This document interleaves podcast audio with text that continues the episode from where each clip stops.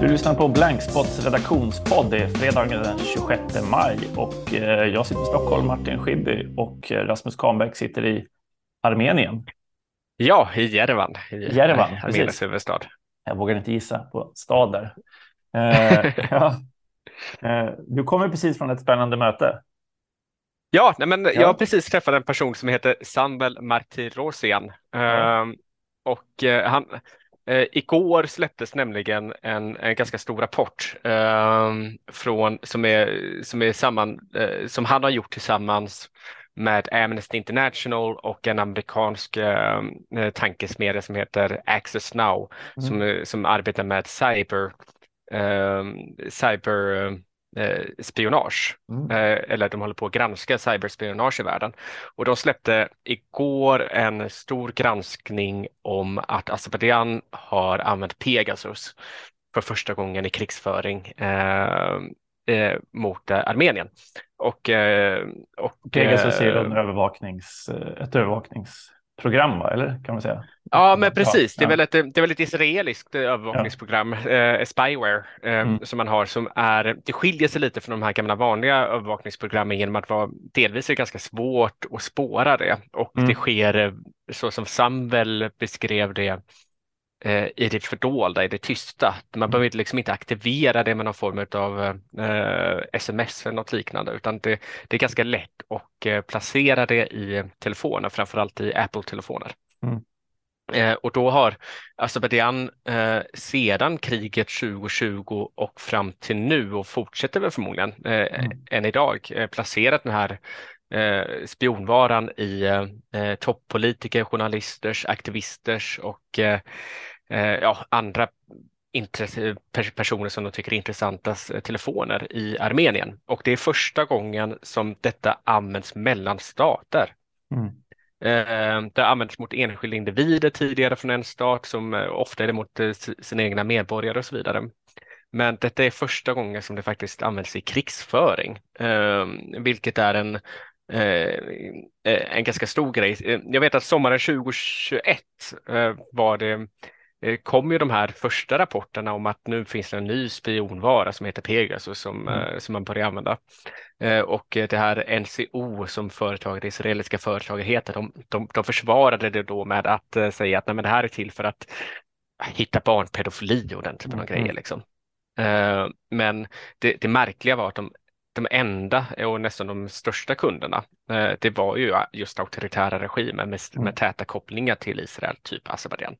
Mm. Um, så att jag, jag, pratade nu med den här Samvel som berättade att uh, det är 12 eh, personer man har hittat i Armenien mm. offentligt. Den inofficiella siffran är flera gånger högre. Så att det, det, det, det kan röra sig uppemot 100 personer och det men han vill inte namnge vilka personer det är, men det är toppolitiker. Hur har man lyckats liksom avslöja det här blir man ju intresserad av. Ja. Hur, länge, hur länge har de hållit på innan man eh, Nej, men de har på. Jag har känt till den här granskningen i ja, två år. Ja, eh, den har varit pågående liksom. Eh, och de upptäckte det först under kriget. Ofta, ofta kommer det väl en indikation det är Apple som har sina egna indikationer. Man skickar mm. ut mm. någonting och sedan börjar man skanna då de personerna som får det här, den här varningen då från Apple mm. att nu, nu mm. finns det Pegasus. Um, och, uh, så att det, det, är genom Apples kanaler som egentligen är huvudsakliga till att man hittar detta om det inte är så att mm. man gör uh, egna skanningar i sina mm. telefoner. Mm. Um, och sedan skannar man av då alla de här telefonerna som har fått sms och det är jättemånga som har fått det. Mm. Uh, och det är inte alla som har blivit avskannade heller. Um, men det som är intressant är att det är varje gång de, de ser att när, när det sker fysiska attacker, dagarna innan det sker en fysisk attack mot Armenien, då har de här cyberattackerna börjat. Så det, ganska, mm. det, finns en ganska tydlig korrelation mellan, mellan att uh, det sker attacker och det sker cyberattacker då, innan. Mm. Uh, och, uh, och, och det, som sagt, det som är nytt är att detta sker mellan stridande parter. Mm. Eh, så det kommer vi nog se väldigt mycket mer av i även Ryssland, Ukraina och så vidare. Mm. och det är, ju, det, det, är ju ett väldigt enkelt sätt för en stridande part att få, eh, få tillgång till eh, information bakom kulisserna. och det som är intressanta i det hela det är ju att, att det är företaget Apple som är de som upptäcker de här mm. attackerna, vilket är helt, helt plötsligt placerar Apple Apples underrättelseverksamhet måste jobba då jättenära mm, eh, mm. olika staters underrättelseverksamhet och så vidare. Mm. Eh, och det är ett eh, multinationellt företag som är till syvende och sist bara vill tjäna pengar. Ja. Mm. Jo, men man vill ju också att man ska kunna vara trygg när man använder företagets produkter någonstans. Så att, eh, mm. Jag menar, utländska underrättelsetjänster har alltid kunnat höra av sig till operatörer och säga vi vill ha DMs från det här kontot. Alltså det har ju både Twitter och Facebook och andra varit öppna med. Kommer en sån begäran från underrättelsetjänsten så, så förser de ju underrättelsetjänsten med dem, eh, med de uppgifterna. Men det här är ju ett, eh, liksom, ja, där man inte ens kontaktar då, de sociala medier-företagen utan man, ja, eh, som, som underrättelsetjänst går, går direkt på att liksom hacka och ta sig in bakom Eh, mm. de egna telefonerna. Ja, det är djupt, djupt obehagligt. Man, man tänker ju på ja, liksom också våra egna råd i vår egen säkerhetshandbok. Det här att liksom gå tillbaka till papper och penna, träffas på parkbänkar, eh, muntliga saker, eh, lämna mobiler utanför mötesrummen. Just för liksom, ja, det journalisten själva samlar in publicerar man ju ofta, men det är ju källskyddsaspekten som, som är det viktiga i detta. Folk som hör av sig till journalister ska kunna känna att de kan göra det i trygghet och säkert. Och det är det källskyddet som blir svårare att, att upprätthålla med.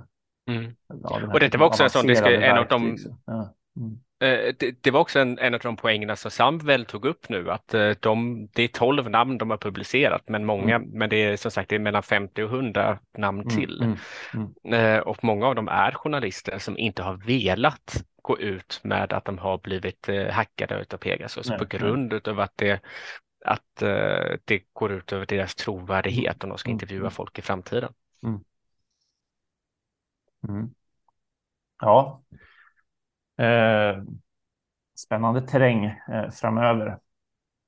Hur du var tillbaka annars? Jag tänker nu har du eh, verkligen, du är verkligen varm i kläderna i regionen. Du, du måste ju börja kunna känna av såna, också här subtila skillnader i stämningar på, på gatan och i, i kafésamtal. Eh, är, det något, är det något som har förvånat dig nu? Nu har du varit där i något, något ja, ja, jag var där i ett dygn ungefär. Ja, ja. Nej men alltså den, den stora saken, senast jag var här, det var ju i mars och det är ju saker som händer hela tiden. Eh, och den stora förflyttningen som sker handlar väl om synen på Nagorno-Karabach som vanligt. Liksom. Mm, det, mm. Eh, att folk börjar begripa att eh, att lösningen för Nagorno-Karabach kanske inte är den lösning som omvärlden har förespråkat hela mm. tiden, alltså att det ska vara någon form av att de ska få rösta om sitt eget självbestämmande utan att eh, Azerbajdzjan har flyttat fram sina positioner väldigt mycket. Mm. Um, och det har man ju gjort i brott mot internationella domstolen i Haag och i brott mot internationella konventioner och så vidare. Liksom. Um, och den, uh, så att uh, senast jag var här så var det väldigt mycket tal om en, om en förestående stor invasion mm. och den uh, av Armenien från Azerbajdzjan. Och det snacket finns inte så mycket just nu. Mm. Eh, eh, utan eh, nu, eh, och, och, en annan aspekt av det hela är också att man försöker tvinga in armenierna i Nagorno-Karabach i fredssamtalen snarare än att eh, fredssamtalen bara ska ske från, eh, från Jerevans håll, mm. Utan de facto regeringen. Um, så att sen hjälper det upp, det är ju sol ute. Det är mm, mm. kaféliv, folk är mm. ute och dricker kaffe till klockan ett på natten. Liksom. Mm. Uh, och, det ju, och, och, det gör ju att eh, humöret kanske går upp lite hos folk. Ja, ja. det som tycker jag slår en just konflikter man följer väldigt nära eh, som, som har en ganska intensiv Twitter-debatt, ofta mellan stora diasporagrupper. Och sen när man väl kommer på plats i landet, det är väl kanske allra tydligast i Eritrea, ser man slås man av det där vardagslivet. Alltså man vet ju att det finns där, men, men det är någonstans en påminnelse om att eh, ja, det är inte Twitter-verkligheten av situationen i ett land och, och, och verkligheten. Verkligheten trumfar alltid den digitala diskussionen. Ja, men så är det absolut. Ja, ja, ja. Har, eh, hur, hur går det för eh, Afewerki? Jan höll ju tal här eh, i går och talet publicerades på det eritreanska utrikesdepartementets hemsida. Eh, men jag kunde inte utläsa ja, några större nyheter i det. Annat än att han kommenterade utvecklingen i Sudan och fanns ett lite större, kanske regionalt perspektiv, att man vill spela en större roll regionalt. Men inga, inga nyheter vad gällde liksom, mänskliga fri och rättigheter i Eritrea. Det trodde man inte heller skulle komma, komma via, det, via det talet. Eh, men det är ju, ja, i helgen så, så firas ju nationaldagen här i Stockholm av eritreaner som väl står landets ledning nära. Eh, mm. Och det är ett firande som i 30 år har hållits offentligt, men som nu får man inte längre hyra Äggeby gård i Järva. Eh, så, ja, de har sagt nej till det. Ja, ja så att det blir annan, annan typ av, av, av firande. Och ja, mm. de eh, fick ju ett, ett ganska spännande upprop av eritreanska föreningar som jag tänkte att vi kunde köra som debattartikel, eller, men de har inte återkommit efter det. Så. Vilket också är en ganska klassisk eritreansk hållning. En liksom stolt hållning, men man, man diskuterar gärna inte eh, landet offentligt med människor som inte är eritreaner. Man ser inget, inget värde i det så att säga. Bland mm. det. det kan spela in. Ja, eh, annars innan samtalet här så satt jag ju precis och, och gick igenom en, en text som eh, kommer att komma eh, förhoppningsvis här under, under helgen på Blankspot. Du har ju också under en tid granskat eh, de här svenska storbankerna som stänger ner konton från ideella föreningar. Och det visar sig när du mm. börjar titta på det här att det var ju bara toppen på isberget. Där under så fanns det liksom hundratals föreningar som eh, har fått problem. Och det är frågor som du har tagit vidare och ställt till eh, eh både branschorganisationer som Giva, men också eh, liksom banker och finans, eh, eh ja, finans, finansorganisationer. Eh, va, mm. va, ja, vad, vad har du funnit där? Nej, men det är ju eh, alltså, Först och främst är det ett stort demokratiskt problem, eh, är väl alla överens om egentligen. Mm. Det är till och med Finansinspektionen är överens om det, MUCF som jag pratar med, eh, Myndigheten för ungdoms och civilsamhällesfrågor, mm. eh, som betalar ut bidrag, eh, uttalar sig också i artikeln. Eh, flera föreningar uttalar sig i artikeln och alla säger ju att det viktigaste redskapet som ideella föreningar har är ett bankkonto. Utan ett bankkonto fungerar man inte, helt enkelt. Mm. Eh, så att det, det blir ju ett demokratiskt problem eh, där det är ingen som egentligen vill ta ansvar. Mm. Och, det är, och det är någonting som jag har som är slående. Alltså alla jag pratar med eh, accepterar och eh, ringar in problemet och eh, tillkännager att det existerar. Men det, men det, det är liksom ingen som vill ta det politiska ansvaret och det, eh, och det tror jag har att göra med att eh, det är en förordning som kommer från EU från 2015 i penninglags, eller eh, penningtvättslagar och eh, antiterrorlagar mm. först och främst. Och sedan har det gått ut på remiss från EU-kommissionen ut i, till medlemsstaterna och sedan har det gått igenom remissrundorna, så gått tillbaka och sedan har det blivit lagförslag som man måste implementera, vilket Sverige då gjorde första januari i år. Eh, så att det är ju ett, eh, en lag som eh, är väldigt komplicerad, komplex och den ändrar hur man inom EU ser på bankväsendet och hur man ska göra, hur man ska göra med betaltransaktioner och så vidare. Mm. Och bakgrunden till det är ju de här stora penningtvättshärvorna vi har haft. Och de två största, det råkar ju vara Ryssland och Azerbajdzjan.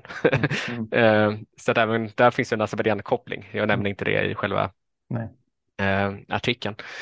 Eh, och då blir det också väldigt svårt att när man har då tagit till sig de här lagarna och börjat implementera dem och konsekvensen blir då att jättemånga ideella föreningar blir eh, av med sina bankkonton eller att byråkratin blir så stor att man inte kan eh, upprätthålla sina kundrelationer med banken eller sina mm. relationer med bankerna. Och och där, eh, där finns det liksom en diskrepans eh, också.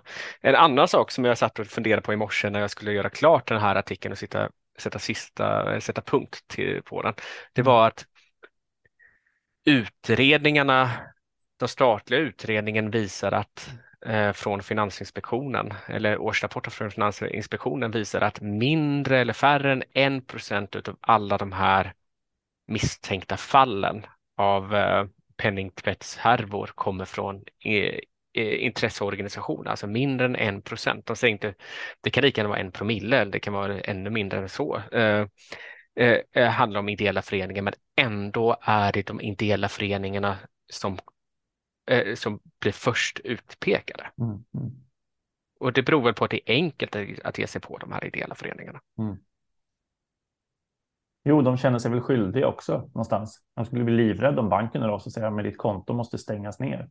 Alltså det, mm. det, det, skapar väl en, en skamkänsla nästan, herregud. Vi har försökt hjälpa människor här. Eh, och ja, frågan är, har man, i, har man i, det verkar inte vara något av de här fallen där någonting har liksom gått till domstol, där man de facto kan se att här har det varit en polisanmälan och det har väckts åtal och här är en liksom, jag menar terrorfinansiering är ju förbjuden så det, så det sjunger om det. Liksom. Men det är ju inte mm. fallet här, utan det är liksom misstankar som gör att, eller att, ja, eh, det, är på, det är på så lösa boliner någonstans som gör det omöjligt för jag har sett några av de här intervjuerna du har gjort med föreningarna. Att hur ska de försvara sig? Liksom? Det, det, är svårt att eh, de får ingen riktig motivering av banken, utan det räcker med den här liksom, misstanken att man inte har full koll. Man kan inte garantera full koll och att alla skyller på alla skyller på varandra. Bankerna skyller på politikerna och politikerna menar väl då att nej, men bankerna tar i för mycket.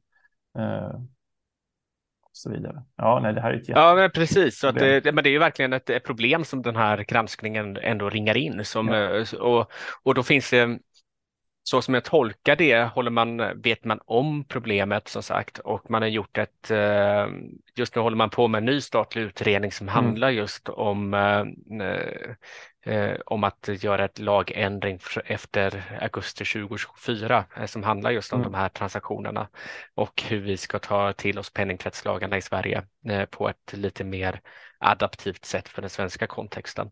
Mm. Eh, och då gjorde man ett tilläggsdirektiv här i mars månad, så inte så länge sedan, Nej. från eh, eh, Niklas Wykman som är finansmarknadsminister gjorde ett tilläggsdirektiv där han just skulle kolla på den ideella ideella föreningen, eh, ideella sektors roll i det hela och hur det mm. påverkas. Men detta är ju alltså augusti 2024 som ett då en utredning ska vara klar. Sen ska den gå på lagrådsremisser och sedan mm. ska den eh, beslutas om så att det, det, är ju liksom en två eller tre års eh, plan framför oss där samtidigt som alla ideella föreningar håller på att stängas ner. Så att det, mm. det, det finns ju ett, ett skriande och akut behov av att ändra det ganska omgående. Mm. Eh, eller backa bandet ganska omgående. Jag tänker på när svenska solidaritetsrörelsen stöttade både ANC i Sydafrika eller liksom befrielse eh, i Eritrea. Då åkte man ju ner med amerikanska dollar i kalsongerna och trosorna och delade ut det på plats. Alltså det, det var ju någonstans, det, det är så, så har man ju stöttat. Eh, ja, nu, nu rör det sig liksom mer om ett politiskt stöd så. Men Ja. Det, det, är ju faktiskt vad Norekino ja. säger i Jaha, artikeln. Norekino ja. är då ordförande för Demand for Action. Att ja. Han säger att eh, när de jobbar i Libanon, där, det, där som redan har banksanktioner mot sig, så de kan inte skicka pengar till Libanon till att börja med. Uh, så att då måste de ta med sig kontanter till landet för att just göra den här grejen för att kunna stötta, stötta på plats. Mm. Uh, I princip i kallingarna. Ja. uh, men nu får de inte ta ut några kontanter från, från banken mm. heller, så att, så att även där stoppas det. Liksom. Mm. Uh, och det, och, och, så att uh, i det fallet med demand for action så handlar det egentligen om att kunna vara snabbfotad. Mm. Använda ett populärt uttryck. Mm. Att, att, att när det sker en katastrof, då vill de kunna sätta in pengar inom ett par timmar och, mm. och de litar helt enkelt inte på att bankerna kommer tillåta det. Mm. Ja, spännande. Det är en otrolig granskning som kommer leda till fler ringar på vattnet, så håll utkik efter den på sajten och i nyhetsbrev. Mm, eh, verkligen. Ja. Annat eh, spännande som jag precis såg, det finns en amerikansk tidning som heter The Intercept eh, som hade en stor grej om Henry Kissinger. Han fyllde ju 100 år här nu med pompa och ståt. Eh, de har en, en historisk granskning som är otroligt omfattande eh, där man har intervjuat ett 70-tal människor i, i Kambodja, men också kommit över nya amerikanska dokument eh, som visar att Kissingers ansvar för bombningar av civila i Kambodja var betydligt mer omfattande än vad som tidigare var känt. Och man mm -hmm. kopplar då i de här egna amerikanska militärdokumenten eh, hans eh, liksom ansvar till ja, ungefär 150 000 civila dödsfall. Och då skriver då att det här är sex gånger fler civila än vad USA dödat i bombattacker sedan 9-11. Eh, jag har inte det låter ju ganska allvarligt. ja, men att den liksom bomb, bombkampanjen i Kambodja gick ja, långt bortom vad som tidigare har varit känt. Eh, mm. Det är något spännande det här med liksom, när egna dokument från den amerikanska militären når offentlighetens ljus efter, efter många, många år. Så eh, finns det berättelser att, att berätta där. Ja. ja, jag undrar vad han tänker, Kissinger. Han har fått frågor om det. De ställde ju frågor eh, och han avförde det sarkastiskt och eh, ja, med, med, med sarkasm skriver de. Responded with sarcasm. Eh, men vägrade att i, i, sak kommentera eller diskutera sitt, sitt ansvar och roll i det. Mm -hmm. Ja. Yes, en annan blankspott. Annars så dundrar ju vår insamlingskampanj på, eller ja, jag önskar att jag kunde säga att den dundrar på, men den, den tickar i alla fall framåt. Och eh, det är ju ett eh, kritiskt läge för Blankspot 2023.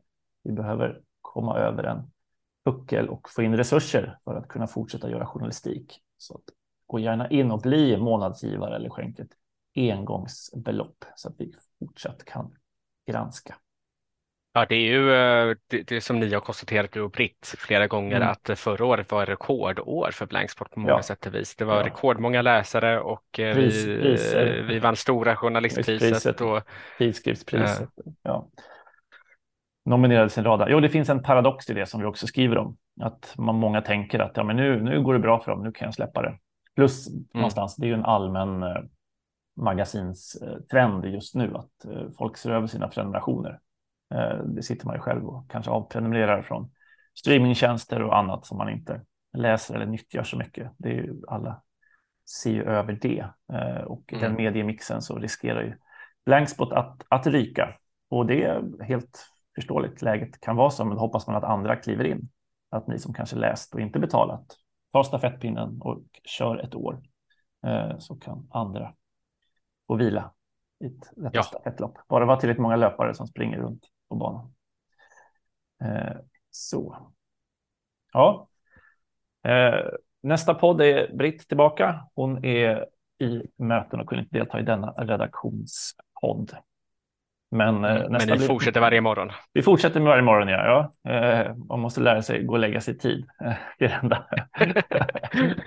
Annars känner man hur ja, man dippar sen under dagen.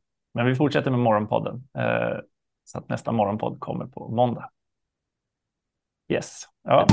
Lycka till i Armenien det har kvar. Ja, tack. Ja. Så uh, hörs vi nästa vecka. Det gör vi. Hej då. Ha det gott.